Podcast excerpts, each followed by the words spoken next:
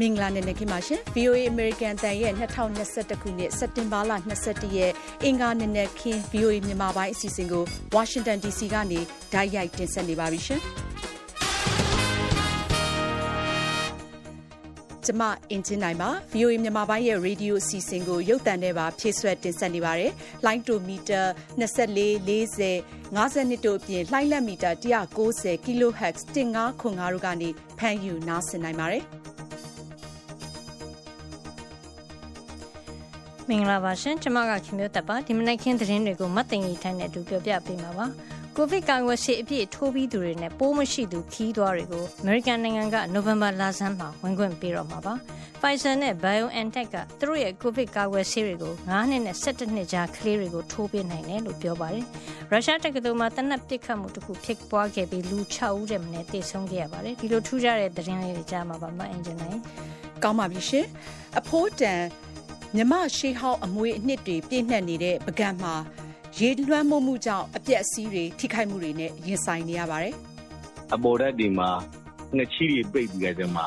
ရေထွက်ပေါက်တွေရေမစစ်နိုင်တော့ခါကျတော့ဒုတိယပစ္စံပေါ်မှာရေတွေကအိုင်ပြီးရေကရေထွက်ပေါက်ကမစစ်နိုင်တဲ့အတွက်ဆင်းလို့ရတဲ့အဲ့စိတ်ပြီးရမှာအောက်ကမျက်နှာကျက်တွေကိုဆင်းတော့တာပေါ့ဗျာ။ ဒါကတော့ပကံမျိုးကလမ်းညွှန်တအုပ်ကနေ VOA ကိုပြောသားတာပါနောက်ပိုင်းမှာအပြည့်စုံနားဆင်ရဖို့ရှိပါတယ်တခါကိုဗစ်တန်ကစစ်ဘေးတန်မှာခံနေရတဲ့မုံကိုစစ်ဘေးရှောင်တွေရဲ့အခြေအနေရခိုင်တိုင်းသားလက်နက်ကိုင် AA အဖွဲ့ဝင်တွေကိုကိုဗစ်ကာကွယ်ဆေးထိုးပေးရမယ့်သတင်းပေးပို့ချက်နဲ့အတူစီးပွားရေးကဏ္ဍဘလော့ဂါတွေပြောသမျှတက်တန့်ရောင်သတင်းလွှာစတာတွေကိုနားဆင်ရဖို့ရှိပါတယ်အခုတော့နောက်ဆုံးရမြန်မာနဲ့နိုင်ငံတကာသတင်းတွေကိုဒေါခင်မျိုးသက်နဲ့မတ်သိန်ကြီးထိုက်တို့ကတင်ဆက်မှာပါ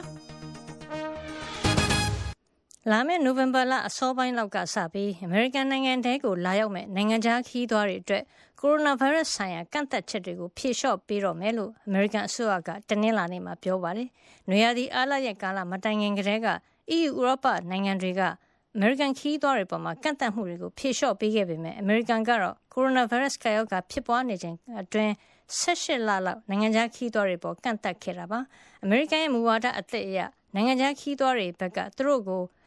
ကိုဗစ်ကာကွယ်ဆေးဆေးပတ်လည်အောင်ထိုးနှံပြီးကြောင်းပြသနိုင်ရင်နိုင်ငံတွင်းဝင်ရောက်နိုင်ပြီလို့သမ္မတအိမ်ဖြူ COVID-19 ဆိုင်ရာတာဝန်ခံ Jeff Zients ကပြောပါတယ်။ခီးသွားတွေအနေနဲ့အမေရိကန်နိုင်ငံတွင်းဝင်ရောက်မဲ့လေရင်ခီးစဉ်မစတင်ခင်၃ရက်အတွင်းမှာကိုဗစ်ပိုးမရှိကြောင်းစမ်းသပ်ထားတဲ့လက်မှတ်ပြသနိုင်ရင်ဖြစ်စေလေရင်ပေါ်မတက်ခင်မှာကာကွယ်ဆေးအပြည့်ထိုးပြီးကြောင်းပြသနိုင်ရင်ဖြစ်စေဝင်ရောက်ခွင့်ပေးမှာဖြစ်ပါတယ်။ အမေရိကန်အစိုးရရဲ့အခုလိုလှုပ်ဆောင်မှုအတွက်ဗြိတိန်ဝန်ကြီးချုပ် Boris Johnson ကကြိုဆိုလိုက်ပါတယ်။အမေရိကန်ခီးသွွားလုပ်ငန်းဆိုင်ရာ USDA ကုန်သွယ်အဖွဲ့ကလည်းအခုလိုခွင့်ပြုလိုက်တာဟာအမေရိကန်စီးပွားရေးပြန်ပြီးနလန်ထူလာစေဖို့အတွက်အထောက်အကူဖြစ်စေတယ်လို့ပြောပါတယ်။ Pfizer နဲ့ BioNTech တို့ရဲ့နှစ်ကြိမ်ထိုးရတဲ့ COVID-19 ကာကွယ်ဆေးကိုထိုးဆေးပမာဏလျှော့ချထိုးနှံမှုဟာအသက်၅နှစ်ကနေ၁၁နှစ်အရွယ်ကလေးငယ်တွေအတွက်ဘေးကင်းပြီးထိရောက်မှုရှိကြောင်း Pfizer နဲ့ BioNTech ဆေးဝါးလုပ်ငန်းကြီးတွေက တနင်္လာနေ့မှာ ပြောပါတယ်။ထိုးဆေးပမာဏ လျှော့ပြီး ကလေးငယ်တွေကို ထိုးနှံစမ်းသပ်မှုမှာ ကောင်းကောင်း ခံနိုင်ရည်ရှိပြီး ခန္ဓာကိုယ်တွင်း ပဋိပစ္စည်းတုံ့ပြန်မှုလည်း ရှိတယ်လို့ အမေရိကန်ကုမ္ပဏီနဲ့ ဂျာမနီမိတ်ဖက် BioNTech က ပြောပါတယ်။ Pfizer ရဲ့ COVID-19 ကာကွယ်ဆေးကိုတော့ ကလေးတွေမှာ အသုံးပြုနိုင်ရေးအတွက် အမေရိကန်၊ဗြိတိန်နဲ့ ဥရောပသမဂ္ဂတို့ရဲ့ ခွင့်ပြုချက်ရဖို့ မကြာခင်မှာ ကြိုးစားမယ့်အကြောင်းလည်း Pfizer က ပြောဆိုပြီး ဒါဟာဆိုရင် အမေရိကန်ရဲ့ ကာကွယ်ဆေးထိုးနှံရေး ဆောင်ရွက်မှုတွေ ပိုပြီး ကျယ်ပြန့်လာနိုင်တာလည်း ဖြစ်ပါတယ်။အမေရိကန်က အရွယ်ရောက်ပြီးသူတွေထဲက သန်းချီတဲ့ ပြည်သူတွေ COVID-19 ကာကွယ်ဆေး မထိုးကြပေမယ့်လို့လည်း အခု ကန့်သတ်ချက်မှာ အကျုံးဝင်မယ့် ကလေးငယ်က ၂၈ သန်းလောက် ရှိနေတာပါ။ အမေရိကန်မှာ လူပေါင်း ၁၈၁ သန်းကျော် အပြည့်အဝ ကာကွယ်ဆေးထိုးပြီးဖြစ်ကြောင်း ကူးစက်ရောဂါ ထိန်းချုပ်ကာကွယ်ရေး ဗဟိုဌာနက ပြောပါတယ်။ဒါပေမယ့်လည်း အကြောင်းအမျိုးမျိုးကြောင့် အသက် ၁၂ နှစ်နဲ့ အထက် ကာကွယ်ဆေး မထိုးသူက သန်း ၇၀ ရှိပါတယ်။ရုရှားနိုင်ငံပမ်တက္ကသိုလ်မှာ တနင်္လာနေ့က သေနတ်သမားတယောက်ရဲ့ ပစ်ခတ်မှုကြောင့် ၆ ဦးထက်မနည်း သေဆုံးပြီး အများအပြား ဒဏ်ရာရခဲ့တယ်လို့ ရုရှားစုံစမ်းစစ်ဆေးရေးကော်မတီ ပြောခွင့်ရ Svetlana Petrenko က ပြောပါတယ်။ По данным следствия, 20 сентября студент, находясь на территории одного из корпусов Пермского государства... စုံစမ်းစစ်ဆေးမှုရစက်တင်ဘာ20ရက်နေ့မှာ PAM အမျိုးသားသုတေသနတက္ကသိုလ်အဆောက်အဦထဲမှာတနက်ပစ်ခတ်မှုဖြစ်ပွားခဲ့ပြီးတေဆုံးသူ၈ဦးနဲ့ဆေးကုသမှုခံယူဖို့လိုအပ်သူ28ဦးရှိခဲ့တယ်လို့ပြောသွားတာပါအစောပိုင်းမှာစစ်ဆေးကော်မတီပြောခွင့်ရက၈ဦးတေဆုံးခဲ့တယ်လို့ပြောပေမဲ့နောက်ပိုင်းမှာတော့တေဆုံးသူ6ဦးနဲ့ဒဏ်ရာရသူ28ဦးရှိတယ်လို့တာဝန်ခံအရာရှိတွေကပြောပါတယ် တနသမားနဲ့ပတ်သက်ပြီး အသေးစိတ်ကို ထုတ်ဖော်ပြောဆိုတာ မရှိသေးတယ်လို့သူဘာကြောင့်ခုလိုပြစ်ခတ်ခဲ့တယ် ဆိုတာနဲ့ ပတ်သက်ပြီးတော့လည်း သတင်းမထုတ်ပြန်သေးပါဘူး ပန်းမြို့ကလေးဟာ လူကြီးတသန်းလောက် နေထိုင်တဲ့မြို့ဖြစ်ပြီး မော်စကိုမြို့တော် အရှေ့ဘက် မိုင်900လောက် အကွာမှာ ရှိပါတယ်။ပန်းတက္ကသိုလ်မှာ တက်ရောက်နေတဲ့ ကျောင်းသား အရေအတွက်က12000ရှိပြီး အခင်းဖြစ်ပွားချိန်က ကျောင်းဝင်းထဲမှာ လူ3000လောက် ရှိပါတယ်။တနတ်သမား အသုံးပြုတဲ့တနတ်ဟာ လူသေးစီလောက်အောင် စီစဉ်ပြီး ထုတ်လုပ်တဲ့တနတ်အမျိုးအစား မဟုတ်ပေမဲ့သူကဓာကို ပြုပြင်ပြီးကြီးစံထက်သုံးခဲ့တယ်လို့ တက္ကသိုလ်သတင်းဌာနက ပြောပါတယ်။ ဂျာမနီမှာ လာမယ့် စက်တင်ဘာ ၂၆ ရက်နေ့ ခေါင်းဆောင်သစ် ရွေးကောက်ဖို့ ပြင်ဆင်ထားပြီး ဝန်ကြီးချုပ်အင်ဂလာမာကဲလ်ကို ဆက်ခံမယ့် ခေါင်းဆောင်သစ် အနေနဲ့ အရေးကြီးတဲ့ ပထဝီ နိုင်ငံရေးဆိုင်ရာ စိန်ခေါ် အကဲစမ်းမှု အများအပြားနဲ့ ကြုံရဖို့ ရှိပါတယ်။ တရုတ်အစိုးရက သူ့ရဲ့ ခါးပတ်လမ်းစီမံကိန်း တစိတ်တပိုင်းအနေနဲ့ ဥရောပမှာ စီးပွားရေး တိုးချဲ့လာနေတာမှာ ဆိပ်ကမ်းတွေ၊ရထားလမ်းတွေနဲ့ အဝေးပြေးလမ်းမကြီးတွေလို အရေးကြီးတဲ့ အခြေခံအဆောက်အအုံပိုင်းမှာ တရုတ်နိုင်ငံပိုင် လုပ်ငန်းကြီးတွေ ရင်းနှီးမြှုပ်နှံလာတာကို တွေ့လာရပါတယ်။ဂျာမနီနိုင်ငံရဲ့ အကြီးဆုံး Hamburg ဟာဆိုရင်ဆိပ်ကမ်းဟာဆိုရင် နှစ်စဉ် ကွန်တိန်နာ ၈.၅ သန်းကျော် သယ်ယူပို့ဆောင်ပေးနေတာ ဖြစ်ပါတယ်။ လက်ရှိအစီအစဉ်တွေသာ အတည်ပြုမယ်ဆိုရင်တော့ ဆိပ်ကမ်းရဲ့ ရှယ်ယာအများအပြားကို တရုတ်အစိုးရကို မကြာခင်မှာ ရောင်းချရမှာ ဖြစ်ပါတယ်။သဘောတူညီချက်အပေါ်မှာ ဂျာမနီအနေနဲ့ ပိုပြီး သတိထားရမယ်လို့လည်း ဝေဖန်သူတွေက ပြောဆိုကြပါတယ်။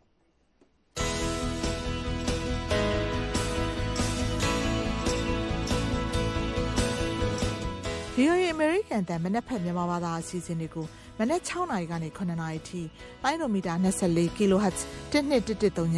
လိုင်းဒိုမီတာ40 kHz 9413ညလိုင်းဒိုမီတာ51 kHz 9895နဲ့လိုင်းလမီတာ190 kHz 1505တို့ကနေထုတ်လွှင့်ပေးနေပါတယ်ရှင်။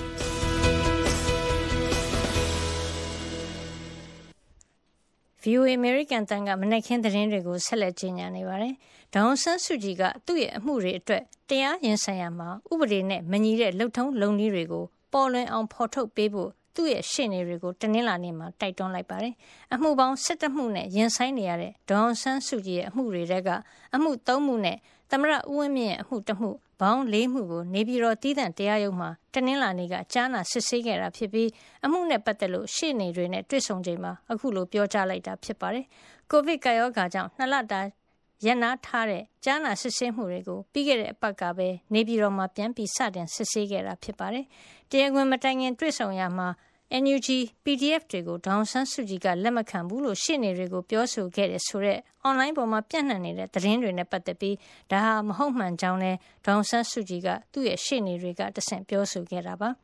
ဒီကနေ့စက်တင်ဘာ27ရက်နေ့မှာဒေါန်ဆန်းစုကြည်ပေါ်ဆွဲဆိုထားတဲ့အများပြည်သူတည်ငြိမ်အေးချမ်းမှုပြပြစေတဲ့ရာဇသက်ကြီးပုံမှ905ခဝင်းနဲ့တဘာဝဘေးအန္တရာယ်ဆိုင်ရာစီမံခန့်ခွဲရေးဥပဒေပုံမှ25တို့အတွက်ကြားနာစစ်ဆေးဖို့အစီအစဉ်ရှိပါတယ်။ မြန်မာနိုင်ငံမှာ စစ်ကောင်စီက ဖမ်းဆီး ထောင်ချထားတာ ၄ လနီးပါး ရှိပြီဖြစ်တဲ့ အမေရိကန် သတင်းသမား Danny Fenster ဟာ တနင်္လာနေ့ တရားရုံး ကြားနာမှုအတွင်း စိတ်ပျက် အားလျော့နေပုံရတယ်လို့ သူ့ရဲ့ ရှေ့နေက ပြောပါတယ်။အမေရိကန် သတင်းသမားကို လှုံ့ဆော်မှုနဲ့ စွဲဆိုထားတာ ဖြစ်ပြီး အပြစ်ရှိတယ်လို့ ဆုံးဖြတ်ခံရရင် ထောင်ဒဏ် ၃ နှစ်နဲ့ အထက် ကျခံရနိုင်ပါတယ်။လှုံ့ဆော်တယ်လို့ စွပ်စွဲခံရတဲ့ အချက်တွေကိုတော့ စွဲချက်မှာ အတိအကျ ဖော်ပြမထားပါဘူး ကိုရိုနာဗိုင်းရပ်စ် ကပ်ဘေးကြောင့် တနင်္လာနေ့ တရားရုံးထုတ်ကိုဗီဒီယိုကွန်ဖရင့်နဲ့ လုပ်ခဲ့ပြီး ရှေ့နေနဲ့လည်း စကားပြောခွင့်ရခဲ့ပါတယ်။တလကျော် အတွင်း ပထမဆုံး အကြိမ် အဖြစ် ရှေ့နေနဲ့ အမှုသည်ကြား စကားပြောခွင့်ရတာမှာ Fenster ဟာ စိတ်ပျက် စိတ်ဓာတ်ကျနေပုံရတယ်လို့ ရှေ့နေ ဦးသန်းစောအောင်က ပြောပါတယ်။ရန်ကုန် အင်းစိန်ထောင်မှာ ချုပ်နှောင်ခံထားရတဲ့ Danny Fenster ဟာသပင်တွေ ရှင်နေကြောင်း သူ့ကိုကြည့်ရတာ စိတ်ပျက်နေပုံရပြီး ဘာမှပြောစရာမရှိဘူးလို့ စိတ်ဆိုးတဲ့လေသံနဲ့ ပြောခဲ့တယ်လို့ ရှေ့နေက ပြောပါတယ်။အာဏာပိုင်တွေက ကာကွယ်ဆေး မထိုးပေးဘူးလို့လည်း သူက ပြောပါတယ်။သူ့အနေနဲ့တော့ ဘာမှ တောင်းဆိုတာမရှိဘူးလို့ ရှေ့နေက ပြောပါတယ်ရှင်။ရာသီဥတုပြောင်းလဲမှုဆိုင်ရာ တိုက်ဖျက်ရေးအတွက် အရေးတကြီးလိုအပ်တဲ့ အချက်အများအပြားကို ကမ္ဘာနိုင်ငံတွေက မလုံဆောင်ပဲနေတဲ့အတွက် အထူးစိုးရိမ်ကြောင်း ကုလသမဂ္ဂအတွင်းမှုချုပ်အန်တိုနီယိုဂူဒရက်စ်ကတနင်္လာနေ့ ကုလသမဂ္ဂ အထွေထွေညီလာခံက ဥရုရာသီဆိုင်ရာဆွေးနွေးပွဲမှာ ပြောကြားလိုက်ပါတယ် The world is on a catastrophic pathway to 2.7 degrees of heating. သိပ္ပံသဘောအရ ကမ္ဘာအပူချိန်1.5ဒီဂရီ Celsius တဲ့ပိုသွားရင် အပျက်စီးကြုံတွေ့ရနိုင်တဲ့အတွက် ဒီတဲ့အပူချိန် မပိုအောင် ကန့်သက်ဖို့ ကျွန်တော်တို့အားလုံး သဘောတူထားကြပေမဲ့အဖွဲ့ဝင်နိုင်ငံတွေရဲ့ လက်ရှိလှုပ်ဆောင်ချက်အရ ကမ္ဘာကြီးကအပူချိန်2.8ဒီဂရီ Celsius နဲ့ ကြီးမားတဲ့ ကပ်ဘေး ရင်ဆိုင်ရမယ့် လမ်းကြောင်းကိုရှောက်လန်းနေတယ် လို့ ပြောသွားတာပါ အပူချိန်1.5ဒီဂရီဖြစ်လာစေဖို့အတွက်ချမ်းသာတဲ့နိုင်ငံတွေဘက်ကအခုအချိန်နဲ့လာမယ့်2025ခုနှစ်အတွင်းမှာ တနှစ်ကိုဒေါ်လာဘီလီယံ100လောက်သုံးဖို့လိုတယ်လို့လည်းပြောပါတယ်။ကမ္ဘာနိုင်ငံတိုင်းက2050မှာဖန်လုံအိမ်ဓာတ်ငွေ့ထုတ်လွှတ်မှုလုံးဝမရှိစေဖို့အတွက်2030အရောက်မှာအခုတည်းဖန်လုံအိမ်ဓာတ်ငွေ့ထုတ်လွှတ်မှုထက်ဝက်လျှော့ချဖို့လိုတယ်လို့လည်းပြောပါတယ်။အခုလိုလှုပ်ဆောင်နိုင်မှုအတွက်ကမ္ဘာနိုင်ငံတွေအနေနဲ့ဝင်းကျင်ညဉ့်ညမ်းမှုကြီးမားတဲ့ကြောင်မီးသွေးသုံးစက်ရုံတွေကိုဖယ်ရှားပြရမယ်ခက်ခဲလဲခက်ခဲတဲ့လုပ်ငန်းလဲပါဝင်နေတယ်လို့ဆိုပါတယ်။2015တုန်းကပါရီမှာချုပ်ဆိုခဲ့တဲ့ ဥရုရာသီဆိုင်ရာသဘောတူညီချက်နဲ့ပတ်သက်ပြီးကမ္ဘာတလွှားလှုပ်ဆောင်နိုင်မှုတွေကိုလာမယ့်နိုဝင်ဘာလမှာစကော့တလန်ဂလက်စကိုမှာတွေ့ဆုံပြီးပြန်လှန်သုံးသပ်ဖို့လည်းရှိပါတယ်။ဖိလစ်ပိုင်နိုင်ငံမှာကိုရိုနာဗိုင်းရပ်စ်ဆဖြစ်ပြီးနောက်ပိုင်းပထမဆုံးအကြိမ်ဖြစ်တဲ့ကျောင်း120အစမ်းပြန်ဖွင့်ပြီးကျောင်းသားဦးရေအကန့်အသတ်နဲ့တယောက်ခွင့်ပြုမဲ့အကြောင်းသမရရိုဒရီဂိုဒူတာတေကအတီးပြုတ်ထားတယ်လို့အစိုးရတာဝန်ရှိသူတွေကတနင်္လာနေ့မှာပြောပါတယ်။ နိုင်ငံတိုင်းနီးပါးမှာ ကျောင်းတွေကို အပြည့်အဝ ဒါမှမဟုတ်လည်း တချို့ ပြန်ဖွင့်နေကြပြီး ကျောင်းသားတွေ ကျောင်းတက်နိုင်ပြီ ဖြစ်ပေမဲ့လို့လည်း ဖိလစ်ပိုင်မှာတော့2020ပြည့်နှစ် မတ်လကတည်းက ကျောင်းတွေကို ပိတ်ထားခဲ့တာ ဖြစ်ပါတယ်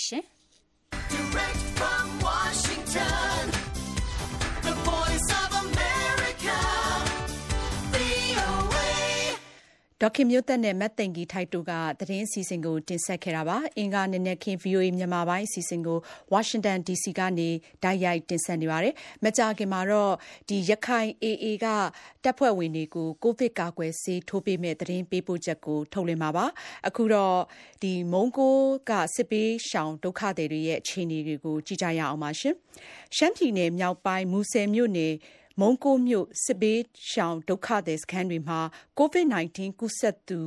40လောက်ထပ်ပြီးစစ်ဆေးတွေ့ရှိခဲ့ပြီးဒေသတွင်းမှာတော့စနေနေ့ကတိုက်ပွဲ၄ကြိမ်လောက်ဖြစ်ပွားခဲ့သလိုတိုက်ပွဲတွေပြင်းထန်လာမယ့်အခြေအနေလည်းရှိနေပါတယ်။ရန်ကုန်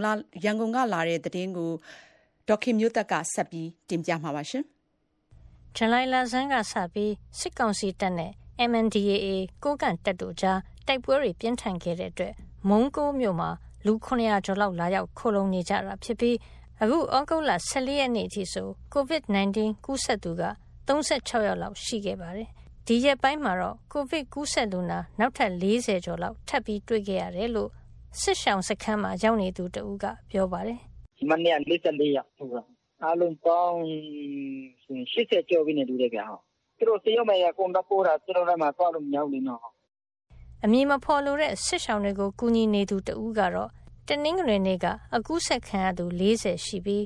စုစုပေါင်းဆိုရင်တော့80ကျော်လောက်ရှိနေကြောင်းကူးဆက်ခံရသူအများစုဟာအသက်20နဲ့60ကြားတွေဖြစ်တယ်လို့ယောဂပြင်းထန်မှုတော့တိတ်မရှိဘူးလို့ပြောပါတယ်။ယောဂကူးဆက်သူတွေကိုမုံကိုဆေးရုံမှာနှစ်နေရာခွဲပြီးဆရာဝန်သူနာပြုတွေကစောင့်ရှောက်ပေးနေပါတယ်။အောက်ကုတ်လကုံပိုင်းကဖြစ်ပွားတဲ့တိုက်ပွဲတွေကြောင့် မုံကိုမြို့အနီးအနားကျေးရွာတွေကစစ်ရှောင်900ကျော်ဟာမြို့ပေါ်ကိုတိမ်းရှောင်လာကြတာဖြစ်ပါတယ်။ဒီလ18ရက်နေ့ကတော့ကျူကုတ်ပန်ဆိုင်ဘက်ကိုစစ်ကောင်စီဘက်ကတင့်ကား2စီးစစ်တီတင်ရင်အစီး30လောက်ထပ်ပြီးတော့ရောက်လာခဲ့တာပါ။18ရက်နေ့မှာမုံကိုအနီးဟေမောလုံဘက်မှာလက်နက်ကြီးပစ်ခတ်တံတွေတနအီကျော်လောက်ကြားခဲ့တယ်လို့မုံကိုမျိုးကစစ်ရှောင်နေသူတဦးကပြောပါတယ်။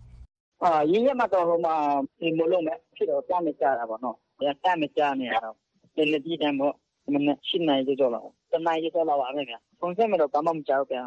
။အဲ့ဒီနေ့မှာပဲကျူကုတ်ပန်ဆိုင်အနီးမှာလဲတိုက်ပွဲတွေ ဖြစ်ပွားတာရှိတယ်လို့ပန်ဆိုင်ကဒေတာကန်တူကပြောပါတယ်။မနေ့ကဒီနေ့ကတော့အဲ့ဆက်ပဲအတမမျိုးအော်ဒီနေ့ကတော့ မြည်တယ်။ ရာပြင်းပါပဲဒီခါလွန်နဲ့ကောင်းချီကြပဲအဲရွာနှစ်ခုရဲ့ကြားမှာအဲပဲဖြစ်တယ်နိုင်ဝက်လောက် MNDAA ကိုကန့်အဖွဲ့ရဲ့ပြန်ကြားရေးလူမှုကွန်ရက်စာမျက်နှာမှာတော့ဒီလ18ရက်နေ့မုံကိုမြို့အနီးဟေမိုးလုံအနီးတနေရာနဲ့ပန်ဆိုင်မြို့အနီးမှာနေရာ3နေရာစုစုပေါင်းတိုက်ပွဲ4နေရာဖြစ်ခဲ့တယ်လို့ဖော်ပြထားပါတယ်။ကျူကုတ်ပန်ဆိုင်မုံကိုဒေသနဲ့ဆက်ဆက်နေတဲ့ကိုကန့်ကိုပိုင်အုပ်ချုပ်ခွင့်ရဒေသမြောက်ပိုင်းကိုလည်းစစ်ကောင်စီဘက်က တပ်တွေအင်အားတိုးချဲ့လာနေကြောင်းလည်းဖော်ပြထားတာပါဒေသခံတွေကတော့မုံကိုမြို့ဘက်မှာတိုက်ပွဲတွေပိုးပြီးတော့ပြင်းထန်နိုင်ကြောင်းခန့်မှန်းကြသလိုတိုက်ပွဲတွေပြင်းထန်လာတဲ့အတွက်စစ်ရှောင်တွေပိုများလာရင် COVID-19 ရောဂါကူးစက်မှုကလည်းပိုပြီးမြင့်တက်လာမှာကိုစိုးရိမ်နေကြတာဖြစ်ပါတယ်။ဇူလိုင်လဆန်းပိုင်းကလေးကစတင်ခဲ့တဲ့တိုက်ပွဲတွေကြောင့်ကျူကုတ်ပန်ဆိုင်အနီးဖိုင်ကောင်းကျေးရွာအုပ်စုကလူ1400လောက်ဟာ တရုတ်မြန်မာနယ်စပ်မှာတိမ်းရှောင်နေကြရတယ်လို့မုံကိုအနီးရွာတွေက လူပေါင်း900လောက်ဟာလည်းမုံကိုမြို့ပေါ်မှာလာရောက်ခိုလုံနေကြတာဖြစ်ပါတယ်။ဒေါခင်မျိုးသက်ပါရှင်ဆက်လက်ပြီးတော့ရခိုင်ပြည်နယ်ကအခြေအနေကိုကြည့်ကြရအောင်ပါ။ ရခိုင်ပြည်နယ်မှာရှိတဲ့ EAO တွေကို ကိုဗစ်ကာကွယ်ဆေး ထိုးပေးသွားမှာဖြစ်တယ်လို့ ရခိုင်ပြည်နယ်ကောင်စီရဲ့ ပြောခွင့်ရက VOA ကို ပြောပါတယ်။ဒါပေမဲ့ဒီဆေးထိုးမဲ့အစီအစဉ်ကိုတော့ အသေးစိတ် မသိရသေးပါဘူး။ရန်ကုန်ကလာတဲ့သတင်းကို ကိုရဲမွန် ကပြောပြမှာပါ။ရခိုင်ပြည်နယ်မှာရှိတဲ့ ကိုဗစ်ကာကွယ်ဆေးထိုးမဲ့အုပ်စုတွေထဲမှာ ရခိုင်လက်နက်ကိုင် AA အဖွဲ့လည်း ပါဝင်တယ်လို့ ပြည်နယ်ကောင်စီပြောခွင့်ရ ရခိုင်ပြည်နယ် ဥပဒေချုပ် ဦးလှသိန်းက ပြောပါတယ်။ဟုတ်ကဲ့ပါခင်ဗျ။ဒီဟာကြီးကတော့ ကျွန်တော်တို့ နိုင်ငံတော် ဝန်ကြီးချုပ်ပေါ့နော် တပ်မတော်ကာကွယ်ရေးဦးစီးချုပ်က အစည်းအဝေးတွေမှာ လမ်းညွှန်ပြီးဖြစ်ပါတယ်။ TV သတင်းတွေမှာ သတင်းစာတွေမှာလည်း ဖော်ပြပြီးဖြစ်ပါတယ်။ EAO တွေကိုလည်း ထိုးပေးသွားဖို့ပေါ့။အခုကျနော်တို့ category ၁၆ ခုခွဲတဲ့အခါမှာ ထည့်သွင်းထားပါတယ် EAO ကို။သို့သော် ကျနော်တို့ EAO ကိုထိုးဖို့ဆိုတာက ပြည်ထောင်စုမှာ ညှိနှိုင်းမှုတွေရှိပါတယ်။ဆိုတော့ သူတို့က ညှိနှိုင်းပေးပြီးတော့မှ ဘယ်လိုထိုးပါလို့ ညွှန်ကြားချက်ရလာတဲ့အခါမှာကျနော်တို့ထိုးမှာဖြစ်ပါတယ်။ဆေးကအဆင်သင့်ရှိပြီးသားဖြစ်ပါတယ်ခင်ဗျ။”တိုင်းရင်းသားလက်နက်ကိုင်တွေကိုကိုဗစ်ကာကွယ်ဆေးထိုးပေးမယ့်ကိစ္စပြည်ထောင်စုကညွှန်ကြားထားတာဖြစ်ပေမဲ့ဆေးထိုးခံမယ့်အဖွဲ့အစည်းတွေဘက်ကလည်းလိုက်နာဖို့လိုသေးတယ်လို့ပြည်နယ်ကောင်စီပြောခွင့်ရဦးလှသိန်းကပြောပါတယ်။အဲဒီလိုလည်းမဟုတ်ဘူး။အထက်ကထိုးပါဆိုလို့ထိုးရတာမျိုးလည်းမဟုတ်ဘူး။ကျနော်ပြောလိုတာကတော့ထိုးပါလို့ဆိုတဲ့အခါကျတော့ထိုးမယ့်အဖွဲ့အစည်းကလည်းလက်ခံပြီး ဖြစ်မယ့်အနေအထားမျိုးဖြစ်မှထိုးလို့ရမှာပေါ့နော်။ဒီသဘောမျိုးပါ။ထိုးပါဆိုတော့လိုက်ထိုးလို့ရတာမဟုတ်ဘူး။သူတို့အပေါ်မှာအိုကေတယ်ဘယ်နေ့ထိုးမယ်ဘယ်နေရာထိုးမယ်ညွှန်ကြားရင်တော့ကျနော်တို့ကပြည်နယ်အစိုးရကနေပြီးတော့ထိုးမယ့်ဆေးဝန်ထမ်းအဖွဲ့တွေပေါ့နော်။ဒီကျန်းမာရေးဦးစီးဌာနပြည်သူ့ဆေးရုံရှိတယ်။ကျနော်တို့ကျေးလက်ကျန်းမာရေးဌာနတွေရှိတယ်။အဲဒီဟာတွေကိုကျနော်တို့ဘယ်ပုံဘယ်နည်းထိုးမယ်လိုအပ်တာတွေကိုပံ့ပိုးပြီးတော့ဆောင်ရွက်ပေးသွားရမှာပေါ့အဲဒီလိုပါ ဒါပေမဲ့လည်း AA တပ်ဖွဲ့ဝင်တွေကို ကိုဗစ်ကာကွယ်ဆေးထိုးပေးမှာသေချာပေမဲ့ ဆေးထိုးမဲ့ကိစ္စနဲ့ပတ်သက်ပြီး အသေးစိတ်မသိရသေးဘူးလို့လည်း ဦးလာသိန်းကပြောပါတယ်။ထိုးတော့ထိုးမှာပေါ့လေ အခု ကျွန်တော်တို့သိတဲ့မူကတော့ ထိုးမယ် ဘယ်လိုထိုးမယ် ဘယ်နေရာမှာထိုးမယ်ဥယျာဉ်အပြင်ဘယ်လောက်ထိုးမယ် category အပြင်အသက်ဘယ်လောက်ကို ထိုးမယ် အစရှိပြီးအဲ့လို detail ညွှန်ကြားချက်တာကျွန်တော်တို့ မရသေးတာပါ ပြီးခဲ့တဲ့နှစ်တွေကတိုက်ပွဲအကြီးအကျယ်ဖြစ်ခဲ့တဲ့ရခိုင်ပြည်နယ်မှာရခိုင်လက်နက်ကိုင်တပ်ဖွဲ့ AA နဲ့အစိုးရတပ်တို့ကြားတိုက်ပွဲတွေရပ်တန့်နေတာအခုဆိုရင်တစ်နှစ်နီးပါးရှိနေတာလည်းဖြစ်ပါတယ်။ဒီကြားထဲမှာပဲရခိုင်လက်နက်ကိုင် AA အဖွဲ့ဘက်ကရခိုင်ပြည်နယ်ရဲ့တရားစီရင်ရေးနဲ့အုပ်ချုပ်ရေးပိုင်းတွေမှာဝင်ရောက်လုပ်ကင်နေတာတွေလည်းရှိနေပါတယ်ခင်ဗျာ။ကိုရဲမုံမရှင်အခုဆက်လက်ပြီးတော့ဒီမြမယဉ်ကျေးမှုရှေးဟောင်းအမွေအနှစ်တွေရှိနေတဲ့ပကံကအခြေအနေကိုကြည့်ကြရအောင်ပါ။ ပုဂံရှေးဟောင်းယဉ်ကျေးမှုဒေသမှာရှိတဲ့ စေတီပုထိုးတွေ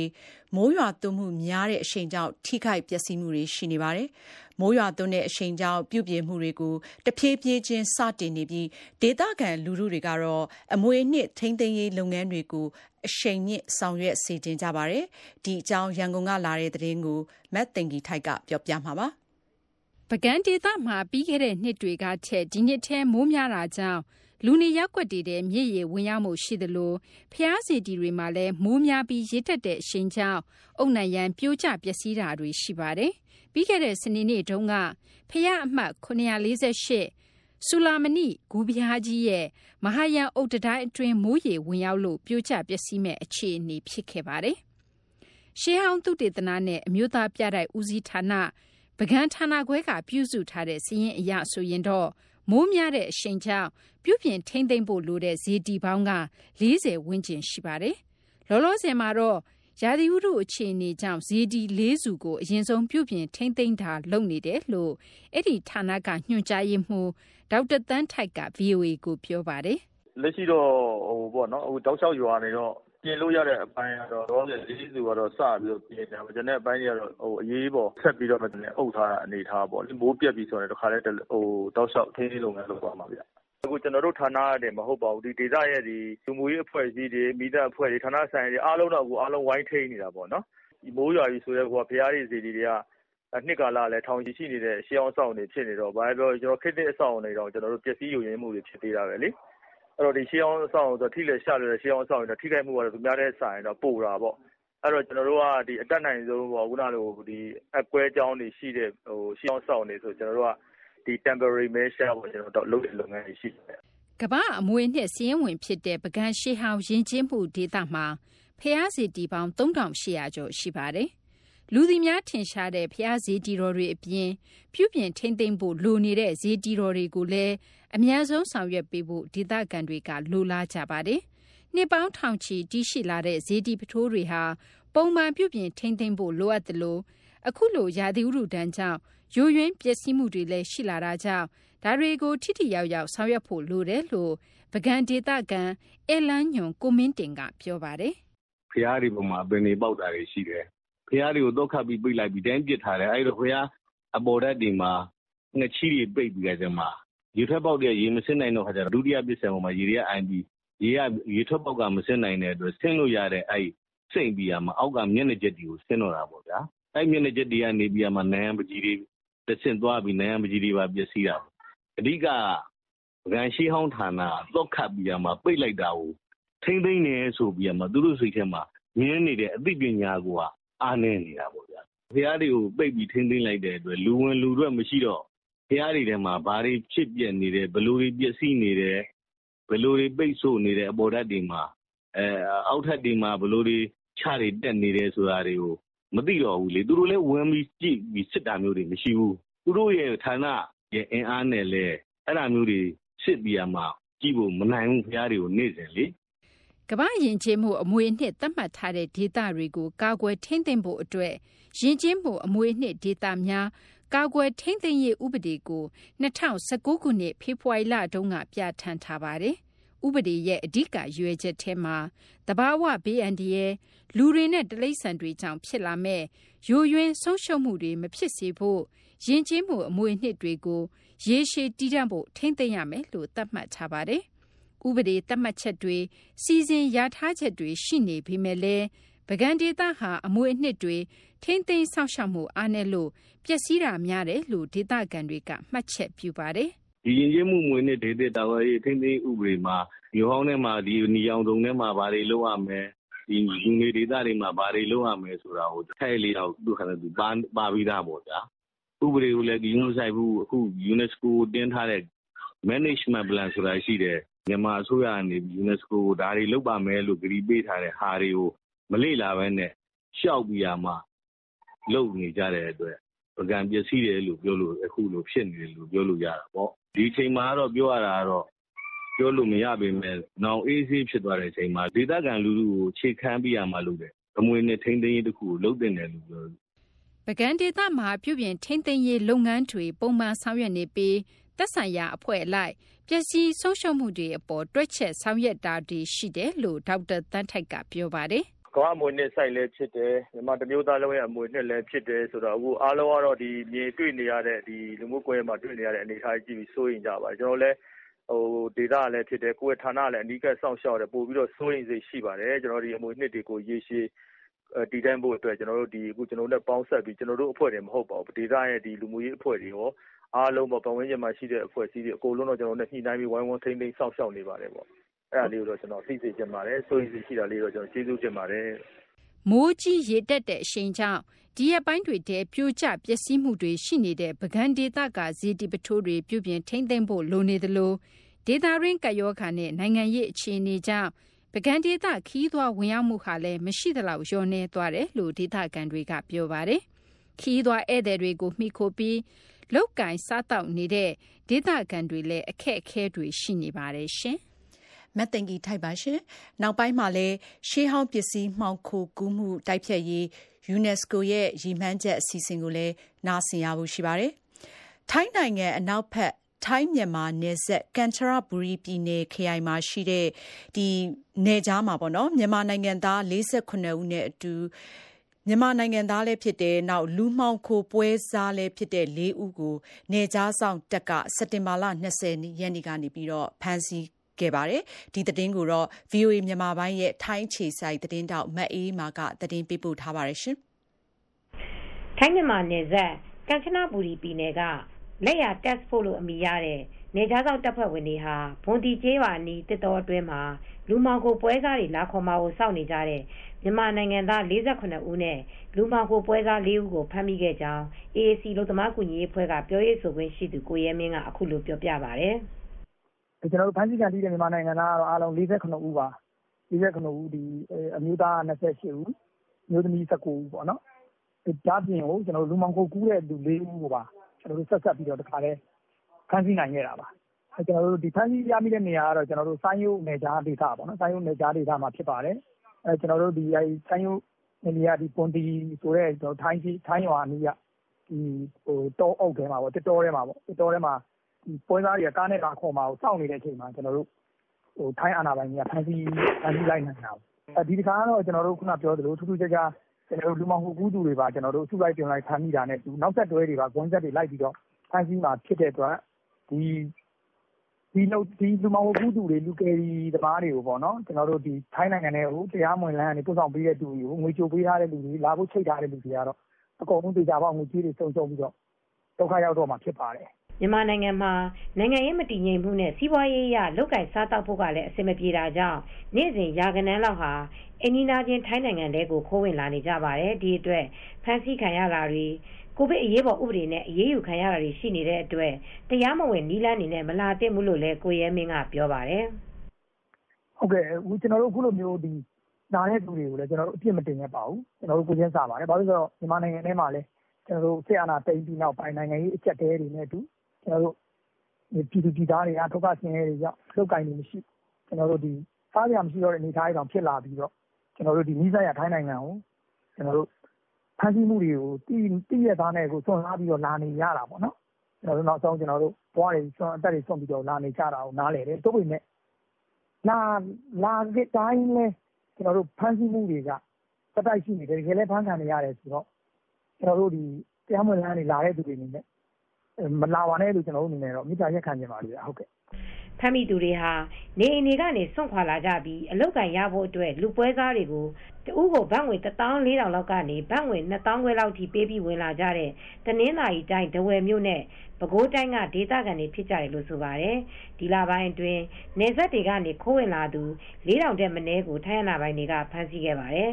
ကိုဗစ်အရေးပေါ်ကာလမှာ တရားမဝင်ခိုးဝင်လာသူတွေ တနှစ်အတွင်း၄သောင်းကျော်ရှိပြီး၃သောင်းခွဲကျော်ကတော့ နယ်စပ်တွေကနေ ခိုးဝင်လာရင်ဖမ်းမိတာလို့လည်း ထိုင်းနိုင်ငံ ကိုဗစ်ကပ်ရောဂါ ထိန်းချုပ်ရေးအဖွဲ့ကလည်း ထုတ်ပြန်ထားပါတယ်ရှင်။ထိုင်းခြေစိုက် VOA မြန်မာပိုင်းသတင်းထောက်မအေးမာပါရှင်။ကျမတို့ VOA မြန်မာပိုင်းကဒီနက်နက်ခင်းနဲ့ညပိုင်းမှာထုတ်လွှင့်နေတဲ့ရေဒီယိုအစီအစဉ်တွေကိုရုပ်သံနဲ့ပါဖြည့်ဆွတ်တင်ဆက်နေပါတယ်။အခုဒီနက်နက်ခင်းအစီအစဉ်ကိုလိုင်းတိုမီတာ24 40 52တို့အပြင်လှိုင်းလက်မီတာ190 kHz 1505တို့ကနေဖမ်းယူနားဆင်နိုင်ပါတယ်ရှင်။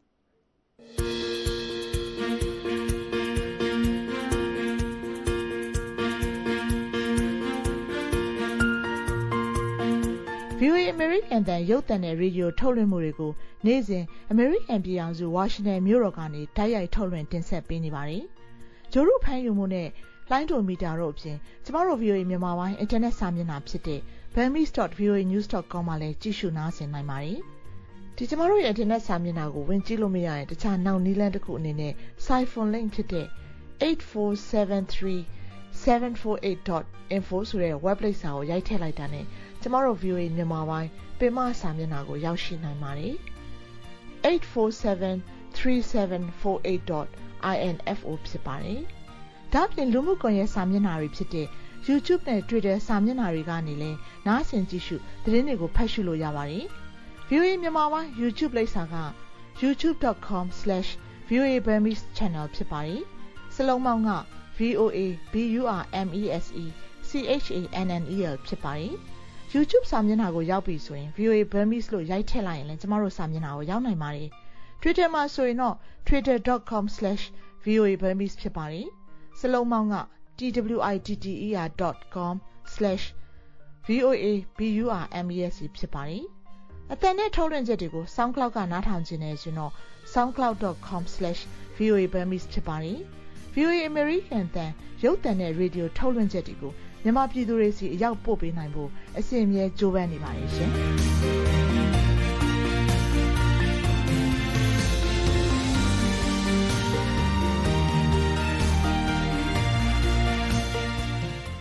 VOA မြန်မာပိုင်းအင်္ဂါနံနက်ခင်းအစီအစဉ်ကို ရေဒီယိုနဲ့တင်ဆက်နေတဲ့အချိန်နဲ့တပြေးညီ Facebook နဲ့ Website တို့ကနေတိုက်ရိုက်နားဆင်ကြည့်ရှုအားပေးကြတဲ့အတွက်လည်းကျေးဇူးထူးတင်ပါတယ်။မြန်မာစံတော်ချိန်နနက်6နာရီခွဲပါပြီရှင်။အခုဒီဒုတိယပိုင်းနာရီဝက်မှာဆက်လက်တင်ဆက်မဲ့အပတ်စဉ်ကဏ္ဍတစ်ခုမှာတော့ There's very practical um, aspects to to this move. One is there's very high costs with ဒါကတော့ Bitcoin ကို တရားဝင်လက်ခံတဲ့ ပထမဆုံးနိုင်ငံ ဘယ်နိုင်ငံဖြစ်မလဲဆိုတာကို blogger တွေပြောသမျှ အစီအစဉ်ကို တင်ဆက်တဲ့အခါမှာ အပြည့်စုံ နားဆင်ရဖို့ရှိပါတယ်။စီးပွားရေးကဏ္ဍ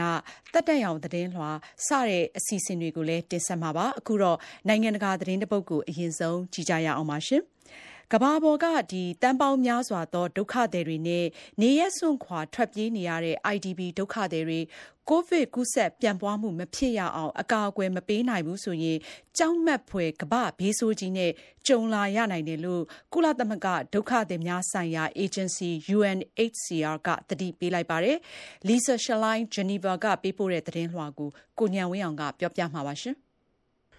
COVID-19 ကပ်ရောဂါကို ကာကွယ်တားဆီးဖို့ UNHCR အဖွဲ့မှာ ငွေကြေးမလုံလောက်ဘဲ အရေးပေါ်ရန်ပုံငွေ လိုအပ်နေတာပါ။ UNHCR က ပြုစုထားတဲ့ အမေးရော့ခံ ဒုက္ခသည်များရှိရာ ထိပ်တန်း10နိုင်ငံ စာရင်းထဲမှာ အီရတ်၊ဆီးရီးယား၊တောင်ဆူဒန်နဲ့ အာဖရိက အာရှ လက်တင်အမေရိကတိုက်က နိုင်ငံတချို့လည်း ပါဝင်ပါတယ်။ကိုဗစ်ကုသ ကာကွယ်ရေးအတွက် UNHCR က လိုအပ်တဲ့ ရန်ပုံငွေ ဒေါ်လာ သန်း920ကျော်အနက် သုံးပုံတစ်ပုံသာ ရသေးတယ်လို့ ပြောပါတယ်။ ဒုက္ခသည်အများစုဟာ ကျန်းမာရေးစောင့်ရှောက်မှုစနစ်ညံ့ဖျင်းတဲ့ ဖွံ့ဖြိုးစနိုင်ငံတွေမှာ ရောက်နေပြီး ချမ်းသာတဲ့နိုင်ငံတွေလို မဟုတ်ဘဲ အသက်ကယ်နိုင်တဲ့ ကာကွယ်ဆေးထိုးနိုင်ခွင့်ရဖို့ အကန့်အသတ် ရှိနေပါတယ်။ဒုက္ခသည်တွေရှိတဲ့ အိမ်ရှင်နိုင်ငံတွေက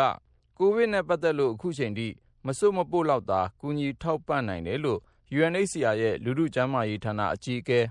Anne Burton က ပြောပါတယ်။ However, we have seen that many barriers to vaccine access remain. UNHCR stands ready to support ကိုဗစ်ကာကွယ်ဆေးရနိုင်ဖို့အတွက်ကအတားအဆီးအများကြီးရှိနေတာကျမတို့သိပါတယ်။အဲ့ဒီအခက်အခဲတွေကိုကျော်လွှားနိုင်ရေးသက်ဆိုင်ရာနိုင်ငံတွေကို UNHCR ကတတ်နိုင်သလောက်ကူညီထောက်ပံ့သွားဖို့အစဉ်သင့်ရှိနေတာပါ။ဒီကရောဂါကနိုင်ငံမဲ့တွေနဲ့နေရဆွခွာဒုက္ခသည်တွေကိုပို့ပြီးတော့အထိနာစေပါတယ်။ဒီကြားထဲသူတို့ရင်ဆိုင်နေရတဲ့ဒုက္ခကိုဖြေရှင်းဖို့ရန်မုံငွေလည်းအလုံလောက်မရသေးပါဘူး။ UNHCR စာရင်းအရ ဒုက္ခသည်တသိန်းကျော် ကိုဗစ်ကူးစက်ခဲ့ပြီး သူတို့ထဲက 1850 ကျော် သေဆုံးခဲ့ပါတယ်။ဒီစာရင်းပမာဏဟာ အလွန်နည်းနေသေးပြီး ကိုဗစ်ကူးစက်မှုတန်ခံရတဲ့ ဒုက္ခသည်စခန်းတွေကြား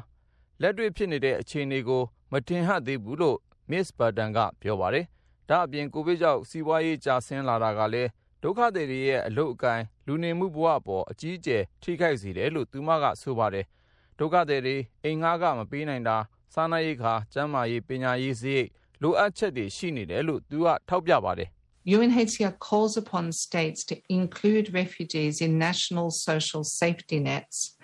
ဒီလိုအပ်ချက်တွေဖြည့်ဆည်းနိုင်ဖို့အတွက်ဒုက္ခသည်တွေရောက်နေတဲ့ဆင်းရဲမှုတိုက်ဖျက်ရေးရည်မှန်းထားတဲ့နိုင်ငံတွေရော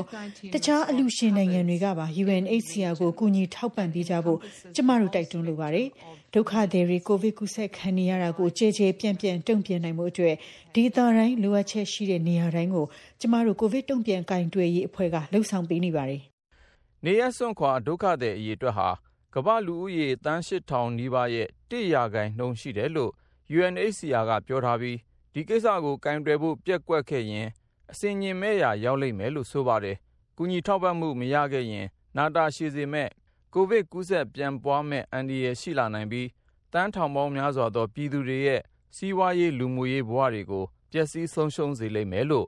UNHCR က ထောက်ပြထားပါတယ်ခင်ဗျာ။ကိုညံဝင်းအောင်ပါရှင် VOA မြန်မာပိုင်းကနေ အပတ်စဉ်ကဏ္ဍတွေကို တင်ဆက်နေတဲ့အခါမှာကျမတို့ဒီညအင်္ဂါညအတွက်အင်္ဂါညဆွေးနွေးခန်းအစီအစဉ်ကိုလည်းနားဆင်ရဖို့ရှိပါတယ်။ကျမတို့တင်ဆက်နေတဲ့အစီအစဉ်တွေသတင်းတွေနဲ့ပတ်သက်လို့ဝေဖန်အကြံပေးမယ်ဆိုရင်ပေးပို့ရမယ့် email လိပ်စာက burmese@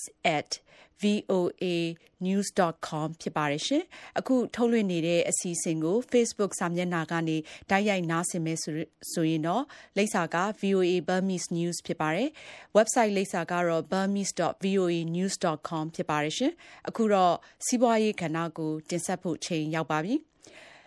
ရှေးဟောင်းပစ္စည်းမှောင်ခိုရောင်းဝယ်မှုကိုတိုက်ဖျက်နိုင်ရေးနည်းလမ်းတွေရှာဖွေဖို့ကမ္ဘာတဝန်းကယဉ်ကျေးမှုအမွေအနှစ်ပစ္စည်းဆိုင်ရာကျွမ်းကျင်သူတွေနဲ့ညီလာခံကိုဒီညီလာခံတစ်ခုကိုကုလသမဂ္ဂပညာရေးသိပ္ပံနဲ့ယဉ်ကျေးမှုအဖွဲ့ကကျင်းပပါတယ်။စစ်ဒဏ်သင့်နိုင်ငံတွေကယဉ်ကျေးမှုအမွေအနှစ်ပစ္စည်းတွေနဲ့ရှေးဟောင်းပစ္စည်းတွေကိုမသမာသူတွေကမှောင်ခိုကူးကြတာပါ။ AP သတင်းဆောင်းပါးကို အခြေခံပြီးတော့ ဒီသတင်းပတ် စီးပွားရေးအစီအစဉ်မှာမတ်တင်ကြီးထိုက်ကတင်ဆက်ထားပါတယ်ရှင်။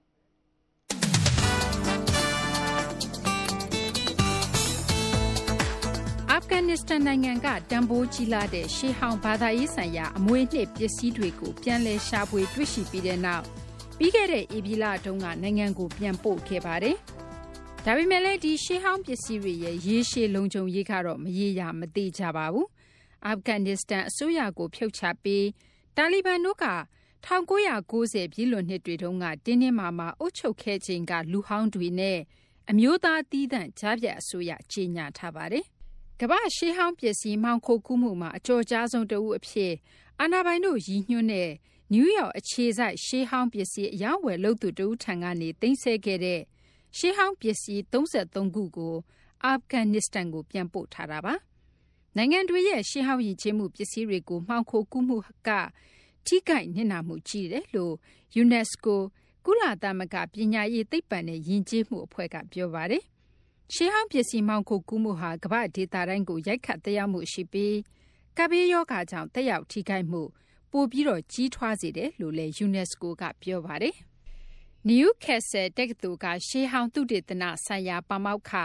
Peter Stone ဟာဆိုရင် လက်နက်ကိုင်ပဋိပက္ခတွေအတွင်း ရှေးဟောင်းယဉ်ကျေးမှုပစ္စည်းတွေကို ကာကွယ်ထိန်းသိမ်းရေး UNESCO ကို အကြံပေးဖို့အတွက် ၁၉၉၆ ခုနှစ်ကဖွဲ့တဲ့ Blue Shield နိုင်ငံတကာအဖွဲ့အစည်းရဲ့ အကြီးအကဲဟောင်း ဖြစ်ပါတယ်။မှောင်ခိုကူးသန်းမှု အများစုက ဂိုဏ်းဂဏဖွဲ့ ကျူးလွန်တဲ့ ရာဇဝတ်မှုတွေနဲ့ ဆက်နွယ်နေပြီး မှောင်ခိုကူးသူတွေကို စစ်တပ်က ဝင်ရောက်စီးနင်းမှုဟာဆိုရင်လည်း နီးစပ်တဲ့ ဆက်ဆံရေးကို ပြသနေတာလို့ ပါမောက္ခ Stone က ပြောပါတယ်။ On one side of the uh, room there are illicit guns အခန်းရဲ့တစ်ဖက်မှာလက်နက်မှောင်ကုန်မှုနောက်တစ်ဖက်မှာကငွေကြေးဆိုင်ရာမှုကင်းတတိယတစ်ဖက်မှာကမူရစေဝါစတုဒ္ဒတချမ်းမှာကရှေးဟောင်းပစ္စည်းပြဿနာကအတူတူပါပဲကဘာတဝမ်းကရဲတပ်ဖွဲ့တွေမှာလည်းရှေးဟောင်းပစ္စည်းမှောင်ခိုကူးသတ်မှုကိုတိုက်ဖျက်ရေးအတွက်ရန်ပုံငွေကအကန့်အသတ်နဲ့ပဲရှိနေပြီးဒီကိစ္စကိုဦးစားပေးလုပ်ဖို့လိုတယ်လို့ပါမောက္ခစတုံးကပြောပါတယ် There are you know countless uh, police and other ဝိရစေဝါနဲ့လက်နက်ကုန်ကူးမှုတွေကိုတိုက်ဖျက်ရေးအတွက်ကြိုးပမ်းနေကြတဲ့အဖွဲ့အစည်းတွေရဲတပ်ဖွဲ့တွေအများအပြားရှိပါတယ်ကျန်းမာရေးဆိုင်ရာကပ်ဘေးရောဂါကာလအတွင်းစောင့်ကြည့်မှုကာကွယ်မှုနဲ့အရင်းမြစ်တွေလည်းလျော့နေသွားတာကြောင့်ပြဿနာကိုဖြေရှင်းနိုင်ရေးကပိုပြီးတော့ခက်ခဲရတယ်လို့ UNESCO အဖွဲ့ကြီးကပြောပါတယ်။ပိတ်ထားတဲ့ပြတိုက်တွေနဲ့ရှေးဟောင်းသုတေသနဆိုင်ရာနယ်မြေတွေမှာလည်းအကြီးအကျယ်ခိုးယူခံနေရပြီး အယောင်းအဝယ်များလာတယ်လို့ UNESCO အဖွဲ့ကြီးက ပြောပေမဲ့လည်းစည်ရင်အတိအကျကိုတော့ မဖော်ပြပါဘူး။ illicit markets the biggest markets have um traditionally been အကြီးဆုံးမောင်ကိုဈေးကွက်ကအစဉ်အဆက်လန်ဒန်နဲ့အမေရိကန်ပြည်ထောင်စုအတွင်းမှာပါအခုတော့ပိုပြီးကျယ်ပြန့်လာပြီးအရှေ့ပိုင်းထိရောက်လာပါပြီတရုတ်နိုင်ငံတွင်းနဲ့အခြားဒေသတွေနောက်ပြီးတောင်အမေရိကနောက်ပင်လယ်ကွေ့ဒေသတချို့ထိကျယ်ပြန့်လာပါတယ်အီရတ်နဲ့အာဖဂန်နစ္စတန်နိုင်ငံတွင်းနှစ်နဲ့ချီပြိပခါတွေကြောင့် မှောင်ခိုကူးသန်းမှု ပိုအားကောင်းစေပြီး စစ်သွေးကြွတွေအတွက် လက်နက်ရရှိရေးနဲ့ ငွေကြေးခဝါချဖို့ လမ်းကြောင်း ဖြစ်လာစေပါတယ်။မှောင်ခိုကူးခံရတဲ့ ရှေးဟောင်းပစ္စည်းတွေရဲ့ တန်ဖိုးကို တွက်ဆလို့ မရနိုင်ဘူးလို့လည်း ပါမောက္ခစတုံးကပြောပါတယ်။ There has been an increase in the last few years of ရာဇဝတ်မှု ဒါမှမဟုတ်လဲအကြမ်းဖက်ဝါဒဆွဲ လှုပ်ရှားမှုတွေအတွက် ငွေရရေး ရောင်းချဖို့အတွက် ပစ္စည်းတွေ ခိုးယူလူယူတဲ့ အဖွဲ့အစည်းတွေက ပြီးခဲ့တဲ့နှစ်အနည်းငယ်အတွင်း ပိုများလာပါတယ်။တန်ဖိုးခံမှန်း တွက်ဆမှုတွေလည်း အမျိုးမျိုး ရှိပါတယ်။အမှန်တော့ ဘယ်သူမှ မသိပါဘူး။ IS တွေနဲ့ တာလီဘန်တွေကို အခွန်တွက်ချက်ခိုင်းဖို့ လိုအပ်မှာဖြစ်ပြီး ဒါကလည်း ဖြစ်လာနိုင်စရာ မမြင်ပါဘူး။နှစ်စဉ် မှောင်ခိုရှေးဟောင်းပစ္စည်းနဲ့ မှောင်ခိုကုန်ကူးမှုက ဒေါ်လာတန်းချီ ရှိနိုင်တယ်လို့ဒေါ်လာတန်း ဆယ်ကနန်းကနေ ရာကနန်းထိ ရှိနိုင်တယ်လို့ ခန့်မှန်းကြပါတယ်။ အာဖဂန်နစ္စတန်နိုင်ငံဟာ ပိုပြီး အထီးကျန် ဖြစ်လာတာကြောင့် ပြည်သူတွေ အတွက်တင် မဟုတ်ဘဲ ရှေးဟောင်း အမွေနှစ်တွေ အတွက်ပါ ပိုပြီးတော့စိုးရိမ်လာနေကြပါတယ်။မှောင်ခိုကူးသန်းမှုတွေ ပိုပြီးတော့တိုးလာတဲ့ ကိစ္စ အတွက်လဲ UNESCO နဲ့ Blue Shield လို အဖွဲ့အစည်းတွေက ပြင်ဆင်ထားကြပါတယ်။ပါမောက္ခ Stone က There are those objects that are in museums that we know about um we have lists ကြားလိုက်ဒီမှာဒီပစ္စည်းတွေရှိထားတာကိုကျွန်တော်တို့သိပါတယ်ဒီပစ္စည်းတွေစည်ရင်လဲကျွန်တော်တို့စီမှာရှိပါတယ်တာလီဘန်တို့ဘက်ကသူတို့လုပ်မယ်လို့ပြောထားတာနဲ့စန့်ကျင်ဘက်ဖြစ်တဲ့အရင်ကပုံစံမျိုးသာပြန်သွားမယ်ဆိုရင်တော့ဒီပစ္စည်းတချို့အတွက်အန္တရာယ်ရှိပါတယ် ရှေးဟောင်းသူတေသနာဆိုက်တွေနဲ့အဆောက်အုံတွေကျေးလက်တွေမှာလည်းဒီပစ္စည်းတွေရှိပြီးတာလီဘန်တွေဒါမှမဟုတ်လဲသူတို့မိဖက်တွေကသူတို့စံနဲ့သူတို့ဒါဟာအစ္စလာမ်နဲ့ဆန့်ကျင်တယ်လို့ယူဆပြီးပြစ်မှတ်ထားလာနိုင်ပါတယ်။ဒါကြောင့်ရှေးဟောင်းသူတေသနာဆိုက်တွေကိုစိုးရိမ်ပါတယ်။စစ်ပွဲတွေနဲ့လူမှုမတည်ငြိမ်မှုတွေအတွင်းလူမှုအဖွဲ့အစည်းပြိုကွဲမှုကနေအမျက်ထွက်တဲ့သူတွေထဲမှာမှောင်ခိုကူးသူတွေနဲ့ရာဇဝတ်ခိုင်းတွေလည်းပါပါတယ် မဟာမိတ်တပ်ဖွဲ့တွေ အီရတ်စစ်တပ်ကို ဖျက်ပြီး အာဏာရအစိုးရကို ဖြုတ်ချပြီးတဲ့နောက်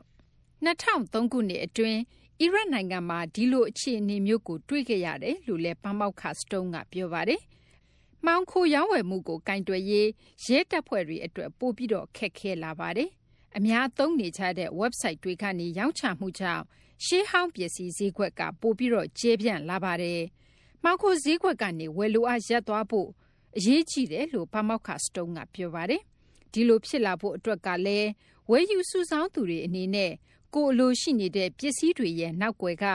ကျင့်ဝတ်ပိုင်းဆိုင်ရာ ကိစ္စတွေကို နားလည်ဖို့၊နောက် သူတို့ကို ရောင်းဖို့ ကမ်းလှမ်းလာတဲ့ ပစ္စည်းတွေရဲ့ ဇစ်မြစ်ကို သိအောင် လုပ်နိုင်ရေး အပေါ်မှာ မူတည်နေတယ်လို့လည်း ပါမောက္ခ Stone က ထောက်ပြပါတယ်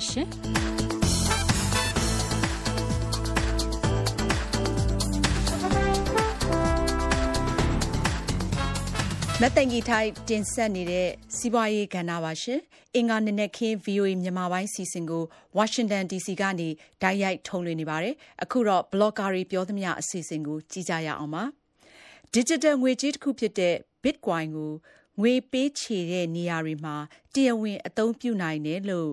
El Salvador နိုင်ငံကသတ်မှတ်လိုက်ပါပြီ။ပြည်သူအများစုမှာကိုယ်ပိုင်ဘဏ်စာရင်းမရှိတဲ့နိုင်ငံတစ်ခုက Bitcoin ကိုတရားဝင်သုံးစွဲခွင့် ပေးလိုက်တာဘယ်လိုကြောင့်ပါလဲမဆုမြတ်မွန်ကဘလော့ဂါတွေပြောသမျှအစီအစဉ်မှာတင်ဆက်ထားပါတယ်ရှင်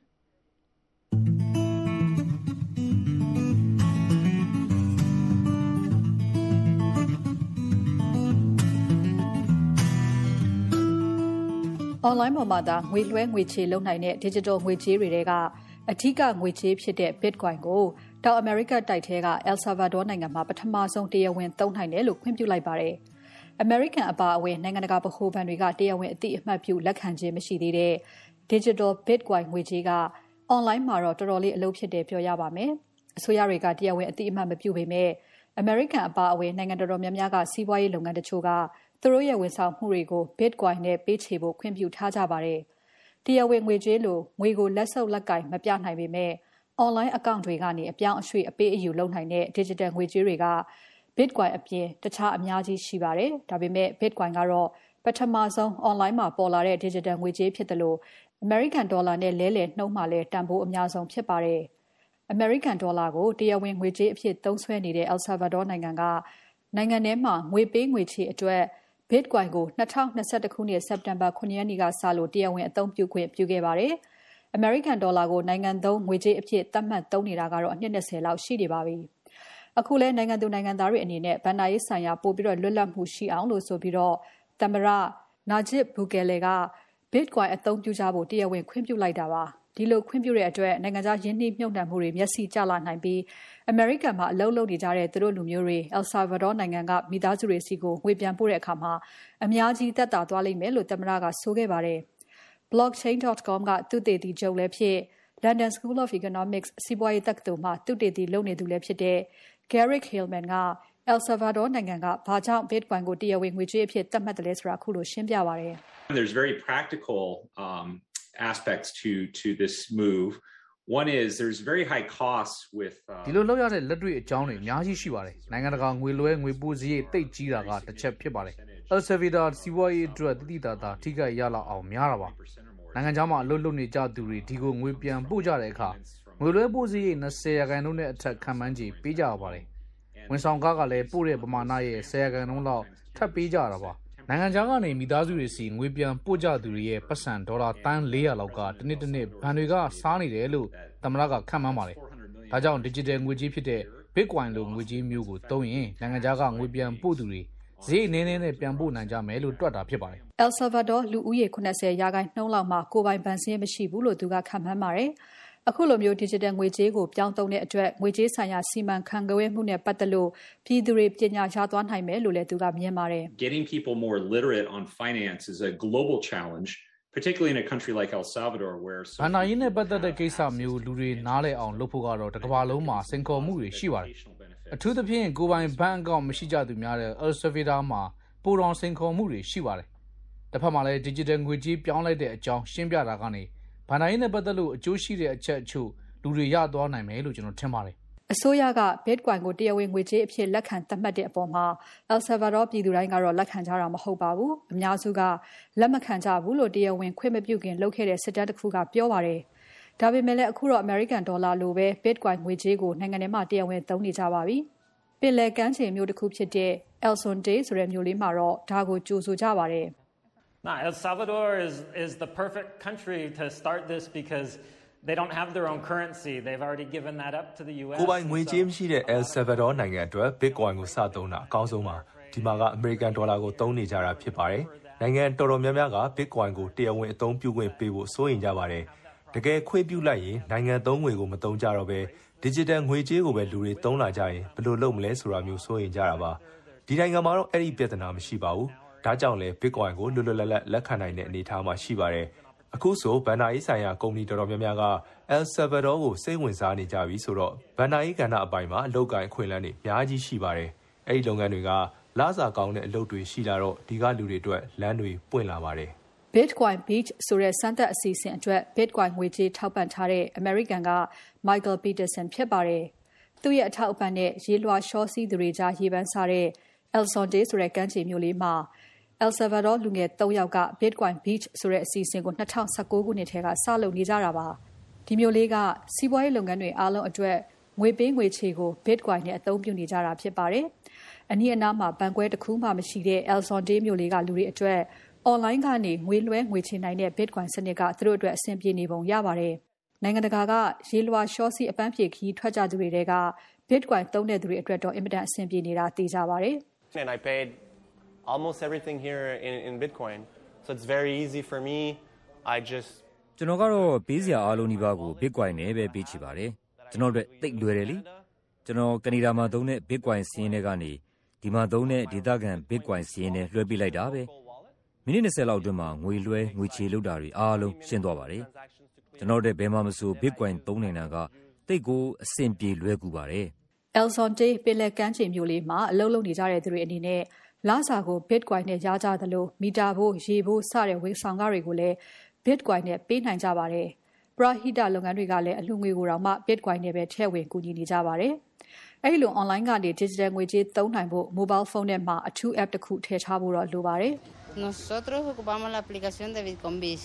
Bitcoin Beach ဆိုတဲ့ application ကို ကျမတို့ သုံးပါတယ်။ကျမတို့ အဲ့ဒါသုံးနေတာ10လလောက်ရှိပါပြီ။အများကြီး အကျိုးရှိပါတယ်။အဲ့ဒီကနေပြီးဝင်ငွေတွေ ရပါတယ်။ ရတဲ့ဝင်ငွေတွေကဆိုင်တွဲလိုတာတွေကိုအများကြီးဝယ်နိုင်ပါတယ်။ကုံစုံဆိုင်တစ်ခုရဲ့ပိုင်ရှင်ပြောပြနေတာပါ။ဒီမျိုးကစောက်လို့ရေးလုပ်သားတော်မှလစာကို Bitcoin နဲ့ရတာအဆင်ပြေနေပါတယ်တဲ့။ todos nos pagan en Bitcoin para nosotros es mejor ကျွန်တော်တို့လစာအားလုံး Bitcoin နဲ့ပဲရပါတယ်ကျွန်တော်တို့အတွက်ပိုကောင်းပါတယ်ဒေါ်လာ30ဘုံငွေကြေးအဖြစ်ပြောင်းနိုင်တော့အဲ့ဒါကိုတတ်တတ်စုထားဖြစ်ပါတယ် American, Britain, EU စတဲ့ နိုင်ငံတကာဗဟိုဘဏ်တွေက တရားဝင်လက်ခံအသိအမှတ်မပြုသေးတဲ့ digital ငွေကြေးတွေနဲ့ပတ်သက်လို့ ပွင့်လင်းမြင်သာမှု မရှိသေးတဲ့အပေါ်မှာထောက်ပြမှုတွေလည်း ရှိပါတယ်။အထူးသဖြင့် online မှာသာ အပြောင်းအရွှေ့ အလဲအလှယ်လုပ်နိုင်တဲ့ ငွေကြေးမျိုးဖြစ်တာမို့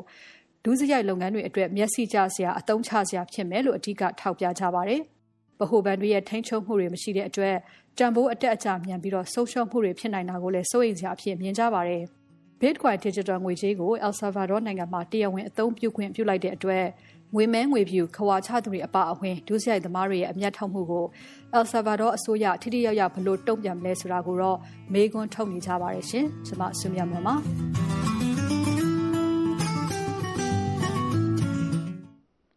မဆုမြတ်မွန်တင်ဆက်နေတဲ့ blogger တွေပြောသမျှအစီအစဉ်ပါရှင်။အခုတော့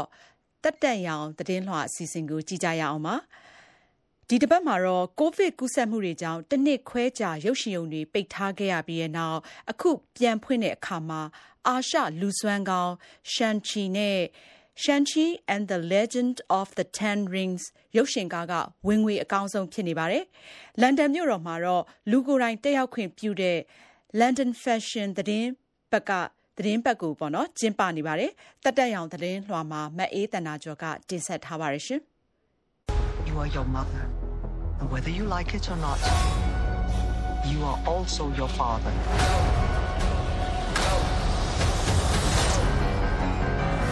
I told my men they wouldn't be able to kill you if they tried. ကိုဗစ်ကူးစက်ကပ်ဘေးကြောင့်ရုပ်ရှင်ရုံတွေအကြာကြီးပိတ်ထားခဲ့ရပြီးတော့မှအခုပြန်ဖွင့်ထားတဲ့ရုပ်ရှင်ရုံတွေမှာတင်ထားတဲ့ရုပ်ရှင်ကားကြီးတွေထဲမှာတော့ Shang-Chi and the Legend of the Ten Rings ရုပ်ရှင်ဇာတ်ကားသတင်းသုံးပတ်ဇာတ်တိုက်ဖြစ်နေရုံတင်ဝင်ငွေအများဆုံးရရှိနေပါတယ်။ Marvel လူစမ်းကောင်းရုပ်ရှင်ကားတကားဖြစ်နေရိုက်ကူးတဲ့ Shang-Chi and the Legend of the Ten Rings ရုပ်ရှင်ကားကိုဒါရိုက်တာ Destin Daniel Cretton ကညွှန်ကြားရိုက်ကူးတာဖြစ်ပြီးတော့ရုပ်ရှင်စတူဒီယိုရဲ့ထုတ်ပြန်ချက်အရပြီးခဲ့တဲ့စနေတင်းတွေသတင်းပတ်ကောင်မှာဝင်ငွေ ဒေါ်လာ22တန်းလောက်ရရှိခဲ့တယ်လို့စက်တင်ဘာ16ရက်နေ့ကပြောသွားပါတယ်။ Walt Disney ရုပ်ရှင်ထုတ်လုပ်ရေးကရိုက်ကူးတဲ့ဒီရုပ်ရှင်ကားကအခုကိုဗစ်ကပ်ဘေးရောဂါကာလအတွင်းမှာရုပ်ရှင်ပြသထားတဲ့ရုံတင်ကားတွေထဲမှာဝင်ငွေအကောင်းဆုံးရရှိတဲ့ရုပ်ရှင်ကားဖြစ်ပါတယ်။အခုသတင်းသုံးပတ်မြောက်မှာတော့အရင်သတင်းပတ်တွေကရခဲ့တဲ့ဝင်ငွေရဲ့38ရာခိုင်နှုန်းကျသွားခဲ့ပေမဲ့လည်း Marvel ကထွက်သမျှရုပ်ရှင်ကားတွေရဲ့ဝင်ငွေစင်းကိုကြည့်မယ်ဆိုရင်အခုရုပ်ရှင်ရဲ့ တတိယသတင်းပတ်မှာရတဲ့ဝင်ငွေကတခြားရုပ်ရှင်ကားတွေယုံတင်လို့သတင်းသုံးပတ်မြတ်မှာရရှိတဲ့ဝင်ငွေအားလုံးထက်ပိုများနေတာတွေ့ရပါတယ်။အခု Shang-Chi and the Legend of the Ten Rings ရုပ်ရှင်ကားက Marvel ရဲ့ထွက်သမျှလူစွမ်းကောင်းရုပ်ရှင်တွေမှာပထမဦးဆုံးအာရှနယ်ဘွား Superhero ဖြစ်ပြီးတော့အခုထိဆိုရင်ကမ္ဘာတဝန်းယုံတင်ဝင်ငွေ320.6တန်းရရှိတာပြီဖြစ်ပါတယ်။ဒီရုပ်ရှင်ကားကြုံနေရတဲ့တခုတည်းသောပြဿနာကတော့ဒီကားကိုတရုတ်နိုင်ငံမှာပြသဖို့ယုံတင်ရဲ့မရသေးတာပဲဖြစ်ပါတယ်။ တရုတ်နိုင်ငံကကမ္ဘာမှာရုပ်ရှင်ပရိသတ်အများဆုံးနိုင်ငံဖြစ်ပေမဲ့လည်းစီစစ်ရေးကလည်းတအားတင်းကျပ်တာကြောင့်ဒီရုပ်ရှင်ကားကိုတရုတ်နိုင်ငံမှာပြသဖို့အတွက်ခွင့်ပြုချက်မရသေးတာဖြစ်ပါတယ်။ဒီရှန်ချီရုပ်ရှင်ဇာတ်ကားကိုရုပ်ရှင်ရုံတွေမှာပဲပြသတာဖြစ်ပြီးတော့တခြားကိုဗစ်ကာလရုပ်ရှင်ကားတွေလိုမျိုးအွန်လိုင်းကနေပြသတာမျိုးမရှိသေးပါဘူး။ You owe me, Mike. You gave me your word. And that used to mean something. My son, Raphael, he's in trouble. I want to get him out of Mexico. Warner Brothers ရုပ်ရှင်ထုတ်လုပ်ရေးကရိုက်ကူးတဲ့ Crime Macho ဆိုတဲ့ရုပ်ရှင်ကားကတော့ရုပ်ရှင်ရုံတွေမှာယုံတင်တဲ့အပြင် HBO Max online ရုပ်သံလိုင်းမှာလည်းတပြိုင်နက်တည်းပြသနေပါတယ်။ Warner Brothers က2021ခုနှစ်အတွင်းထွက်သမျှရုပ်ရှင်ကားတွေကိုဒီလိုပဲနှစ်မျိုးတပြိုင်နက်တည်းပြသတာဖြစ်ပါတယ်။ ကပ်ဘေးကာလအတွင်းမှာလူငယ်တွေကရုပ်ရှင်ရုံတွေမှာလာပြီးတော့ကြည့်ရကြပေမဲ့အခု Crime Macho ဆိုတဲ့ရုပ်ရှင်ဇာတ်ကားကိုကြည့်တဲ့သူတွေကတော့88ရာခိုင်နှုန်းကအသက်35အထက်တွေဖြစ်တယ်လို့ Warner Brothers ကပြောပါတယ်။ဒီရုပ်ရှင်ကိုနာမည်ကျော် Hollywood မင်းသားကြီးဒါရိုက်တာလည်းဖြစ်တဲ့ Clint Eastwood က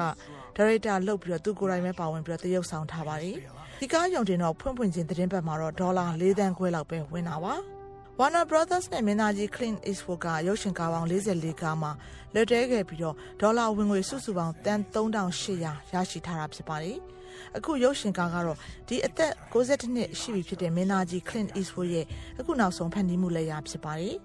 ဒီနှစ်စောင်းရာဒီမှာတော့ Clint Eastwood ရဲ့ရုပ်ရှင်ဖန်တီးညွှန်ကြားမှုတက်တန်း250ပြည့်ဂုဏ်ပြုမှုဖြစ်နေသူရိုက်ကူးခဲ့တဲ့ရုပ်ရှင်ကား6ကားကိုရုပ်ရှင်ရုံတွေမှာလည်းပြန်ပြီးတော့ရုံတင်မှာဖြစ်တယ်လို့ HBO Max ကနေပြီးတော့လည်းပြသမယ်လို့ Warner Brothers ရုပ်ရှင်အစုအဖွဲ့ကကြေညာချက်ထုတ်ပြန်ထားပါတယ် We all have to make choices in life, kid. စက်တင်ဘာလ18ရက်နေ့ပြီးခဲ့တဲ့တောက်ကြနေ့ကစတင်ကျင်းပတဲ့ London Fashion သတင်းပတ်မှာတော့ online ကပဲပြတဲ့ fashion show တွေဒါအပြင်ကိုဗစ်ကြောင့်ဘာ show ပွဲမှမလုပ်ရဘဲနဲ့တစ်နှစ်ပိတ်ထားခဲ့ရပြီးတော့မှအခုပထမအဆုံးအပြင်မှာပြန်ပြီးတော့ကျင်းပတဲ့ fashion show တွေပုံစံနှစ်မျိုးလုံးနဲ့ကျင်းပခဲ့ပါတယ်။ပြီးခဲ့တဲ့ February လတုန်းက Britain နိုင်ငံတစ်ခုလုံးအပြင်မထွက်ရအသွားလားကန့်သတ်ထားတာမလို့အဲ့ဒီတော့ကလန်ဒန်ဖက်ရှင်သတင်းပတ်ကိုတော့အွန်လိုင်းကကြီးတက်တက်ကျင်းပခဲ့ရတာပါ အခုတစ်ခေါက်တော့ COVID-19 ကပ်ဘေးကန့်သက်ချက်တွေကိုလည်းဖြေလျှော့ပေးထားတာမလို့အပြင်ကပွဲတွေကျင်းပနိုင်ပြီးတော့နိုင်ငံတကာသတင်းတောက်တွေရောနိုင်ငံခြားဖက်ရှင်အဝယ်တော်တွေရောနဲ့ဖက်ရှင်သတင်းပတ်အစီအစီကကဖြစ်နေပါတယ်ဒီ fashion သတင်းပတ်အတွင်းအပြင်မှာတကယ်ကျင်းပတဲ့ပွဲ89ပွဲကျင်းပတာဖြစ်ပြီးတော့ online ကပွဲပေါင်း82ပွဲပါဝင်တာဖြစ်ပါတယ် အမျိုးသမီးဝေရောအမျိုးသားဝေရော fashion design လက်ရာတွေတွေ့ရမှာဖြစ်ပြီးတော့အခုတစ်ခါအပြင်မှာ show ပြသသူတွေ80နီးပါးရှိတာမလို့မနစ်ကစက်တင်ဘာမှာဒီဇိုင်နာနည်းနည်းနဲ့ပဲအပြင်မှာပြသခဲ့ရတဲ့ show ပွဲတွေထက်အများကြီးများလာတာပါ fashion show တွေကိုအပြင်မှာကျင်းပရသူတွေအနေနဲ့တော့ COVID-19 ကာကွယ်ရေးဆိုင်ရာအထူးစီးမြင်တွေကိုလိုက်နာရတာဖြစ်ပါတယ်။နယူးယောက်မီလန်နဲ့ပါရီတို့မှာကျင်းပတဲ့ fashion သတင်းပတ်နေတဲ့ရှင် ဒီ London Fashion သတင်းပတ်ကအရွယ်သေးတယ်လို့ပြောနိုင်ပေမဲ့လည်းလန်ဒန်ကပွဲတွေကလည်းအရန်ခစ်ရှိပြေစမ်းသစ်တဲ့ fashion လက်ရာတွေတက်သစ်ဆ fashion designer တွေရဲ့ပါဝင်ပြသမှုတွေကြောင့်နာမည်ကျော်တာဖြစ်ပါတယ်။အခု fashion ရာသီမှာလည်း British Fashion Council က TikTok video application နဲ့ပေါင်းပြီးတော့ New Gen ဆိုတဲ့အစီအစဉ်ကိုတင်ဆက်ပါတယ်။ New Generation မျိုးဆက်သစ်ဆိုတဲ့စလုံးအတူကောက်ဖြစ်ပြီးတော့တက်သစ်စာဒီဇိုင်နာတွေအတွက်လုပ်ပေးထားတဲ့အစီအစဉ်ဖြစ်ပါတယ်။ လန်ဒန်ဖက်ရှင်သတင်းပတ်မှာဖက်ရှင်ရှောက်လန်းနဲ့အပြင်မှာတကယ်ကျင်းပတဲ့ရှိုးတစ်ခုအတွက်အမျိုးသားဖက်ရှင်အဝတ်ထဲဖန်တီးစုဒီဇိုင်နာဆာလ်နက်လည်းပါဝင်ပြီးတော့သူ့ရဲ့လက်ရာတွေထဲမှာတော့လဲလက်တောက်ပါတဲ့ဝတ်စုံတွေအစင်မြမြနဲ့ track suit တွေတွေ့ရပါတယ်။နောက်ဒီဇိုင်နာတယောက်ဖြစ်တဲ့ Alice Temple ကလည်းသူ့ရဲ့ main ကလေးဆန်တဲ့ဒီဇိုင်းတွေနဲ့လူသိများပြီးတော့သူကစာရေးဆရာမ Agatha Christie ရဲ့လှုပ်ဝက်သေးပူ Dead on the Nile နိုင်မြစ်ပေါ်ကဝိညာဉ်နီကုံဆိုတဲ့ဝတ္ထုကိုဇံဝင်ခန်းစားပြီးတော့သူ့ရဲ့2022နွေဦးနဲ့နွေရာသီ fashion လက်ရာတွေကိုဖန်တီးထားပါတယ်။လန်ဒန် fashion သတင်းပတ်ကိုအင်္ဂါနေ့စက်တင်ဘာ22ရက်နေ့ထိကျင်းပတာဖြစ်ပါတယ်ရှင်။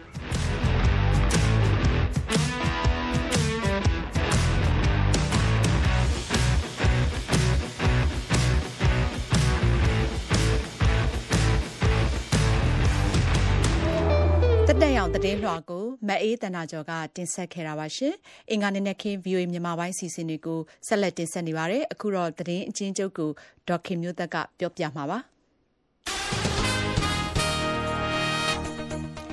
လာမယ့်နိုဝင်ဘာလအစောပိုင်းလောက်ကစပြီးအမေရိကန်နိုင်ငံတဲကိုလာရောက်မဲ့နိုင်ငံခြားခီးသွားတွေအတွက် ကိုရိုနာဗိုင်းရပ်စ်ဆိုင်ရာကန့်သတ်ချက်တွေကိုဖြေလျှော့ပေးတော့မယ်လို့အမေရိကန်အစိုးရကတနင်္လာနေ့မှာပြောပါတယ်။အမေရိကန်နိုင်ငံဟာကိုရိုနာဗိုင်းရပ်စ်ကပ်ရောဂါဖြစ်ပွားနေချိန်အတွင်း၁၈လလောက်နိုင်ငံခြားခရီးသွားတွေအပေါ်ကန့်သတ်ခဲ့တာပါ။အခုအမေရိကန်ရဲ့မူဝါဒအသစ်အရနိုင်ငံခြားခရီးသွားတွေဘက်ကသူတို့ကိုဗစ်ကာကွယ်ဆေးဆေးပတ်လည်အောင်ထိုးနှံပြီးကြောင်းပြသနိုင်ရင်နိုင်ငံတွင်းကိုဝင်ရောက်နိုင်ပြီလို့သမ္မတအိမ်ဖြူ COVID-19 ဆိုင်ရာတာဝန်ခံ Jeff Zients ကပြောပါတယ်။စမ်းသပ်ထားတဲ့လက်မှတ် ပြနိုင်ရင်ဖြစ်စေလေယာဉ်ပေါ်မတက်ခင်ကာကွယ်ဆေးအပြည့်ထိုးနှံပြီးကြောင်းပြနိုင်ရင်ဖြစ်စေဝင်ရောက်ခွင့်ပေးတော့မှာပါ။ Pfizer နဲ့ BioNTech တို့ရဲ့နှစ်ကြိမ်ထိုးရတဲ့ COVID-19 ကာကွယ်ဆေးကိုထိုးဆေးပမာဏရှော့ချထိုးနှံမှုဟာအသက်9နှစ်ကနေ17နှစ်အရွယ်ကလေးငယ်တွေအတွက်ဘေးကင်းပြီးထိရောက်မှုရှိတယ်လို့ Pfizer နဲ့ BioNTech ဆေးဝါးထုတ်လုပ်ရေးလုပ်ငန်းကြီးတွေကတနင်္လာနေ့မှာပြောပါတယ်။ထိုးဆေးပမာဏရှော့ပြီးကလေးငယ်တွေထိုးနှံစမ်းသပ်မှုမှာကောင်းကောင်းခံနိုင်ရရှိပြီးခန္ဓာကိုယ်ရင်းပရိပစ္စည်းတုံ့ပြန်မှုရှိတယ်လို့လည်းပြောပါတယ်။ ရုရှားနိုင်ငံပမ်တက္ကသိုလ်မှာ တနင်္လာနေ့ကတနတ်သမားတယောက်ရဲ့ ပစ်ခတ်မှုကြောင့်6ဦးရဲ့မင်းတေဆုံးပြီး အများပြား ဒဏ်ရာရခဲ့တယ်လို့ ရုရှားစုံစမ်းစစ်ဆေးကော်မတီက ပြောပါတယ်။တနတ်သမားနဲ့ ပတ်သက်ပြီး အသေးစိတ်ကိုတော့ ထုတ်ဖော်ပြောဆိုတာ မရှိသေးတယ်လို့သူဘာကြောင့်ခုလိုပြစ်ခတ်ခဲ့တယ် ဆိုတာနဲ့ ပတ်သက်ပြီးတော့လည်း သတင်းမထုတ်ပြန်ပါဘူး။တနတ်သမား အသုံးပြုခဲ့တဲ့တနတ်ဟာ လူသေးစေလောက်အောင် စီစဉ်ပြီး ထုတ်လုပ်တဲ့တနတ်အမျိုးအစား မဟုတ်ပေမဲ့သူက ဒါကို ပြုပြင်ပြီးကြီးစံထည့်သုံးခဲ့တာလို့ တက္ကသိုလ်သတင်းဌာနက ပြောပါတယ်။ ဒေါန်ဆန်းစုကြည်ကသူ့ရဲ့အမှုတွေအတွက်တရားရင်ဆိုင်ရာမှာဥပဒေနဲ့မညီတဲ့လုံထုံးလုံနည်းတွေကိုပေါ်လွင်အောင်ဖော်ထုတ်ပေးဖို့သူ့ရဲ့ရှင့်နေတွေကိုတနင်္လာနေ့မှာတိုက်တွန်းလိုက်ပါတယ်။ဒီကနေ့စက်တင်ဘာလ22ရက်နေ့မှာဒေါန်ဆန်းစုကြည်ပေါ်မှာဆွဲထားတဲ့အများပြည်သူတည်ငြိမ်အေးချမ်းမှုပြပြစေတဲ့ရာဇသက်ကြီးပုံမှ905ခခွေးနဲ့တဘာဝဘေးအန္တရာယ်ဆိုင်ရာပုံမှန်တို့အတွက်ကြားနာစစ်ဆေးဖို့အစီအစဉ်ရှိပါတယ်။ကျေးဇူးတင်ပါတယ်ရှင်။သတင်းချင်းချုပ်ကိုဒေါက်ခင်မျိုးသက်ကပြောပြသွားတာပါ။ကျမတို့ အင်္ဂါနနက်ခင်း VOA မြန်မာပိုင်းစီစဉ်ကို မြန်မာစံတော်ချိန်နနက်6နာရီကနေ9နာရီထိ တင်ဆက်ခဲ့တာပါရှင်။ညပိုင်း ရေဒီယိုရုပ်သံအစီအစဉ်ကိုတော့ မြန်မာစံတော်ချိန်ည9နာရီကနေ10နာရီထိ တင်ဆက်မှာမို့ စောင့်မျှော်နားဆင်ကြပါရှင်။ဒီကနေ့မနေ့အစီအစဉ်ထုတ်လွှင့်ရေးမှုကတော့ ကိုရဲမွန်ပါ။အတန်ဖန်အင်ဂျင်နီယာကတော့ Jimmy Cook ဖြစ်ပါတယ်။ရုပ်သံအင်ဂျင်နီယာကတော့ Darren Smith ပါ။ကျမကအင်ဂျင်နိုင်ပါရှင်။ VOA မြန်မာပိုင်းကတင်ဆက်နေတဲ့အစီအစဉ်တွေကိုကြည့်ရှုအားပေးနားဆင်ကြတဲ့အတွက်ကဘာတလွှားကသရရှင်အားလုံးကိုကျေးဇူးတင်ပါတယ်။ဘေးအန်ဒီရဲ့အသွေးအသွေးကနေကင်းဝေးကြပါစေလို့လည်းဆုမွန်ကောင်းတောင်းပါတယ်ရှင်။